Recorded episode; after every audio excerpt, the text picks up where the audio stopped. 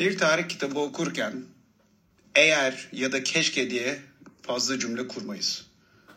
Çünkü değiştiremeyeceğimiz şeyi kabul ederiz. Ama tarih kitapları lazımdır. İçlerinden ne yapmamamız gerektiğini veya ne yapmamız daha iyi olacağını öğreniriz. Geçmişimiz de böyledir. Birisi oturup sizin geçmişinizi kağıda kaleme alırsa bir tarih kitabından farklı değildir. O yüzden geçmişi düşündüğünüzde eğer ve keşkelerle gitmeyin oraya.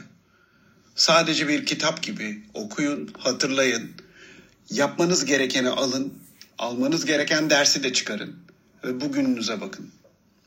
Unutmayın, herkesin bir geçmişi vardır. Ama bizim geçmişimiz geleceğimizi etkilemek zorunda değil. Bunu siz ilan etmelisiniz.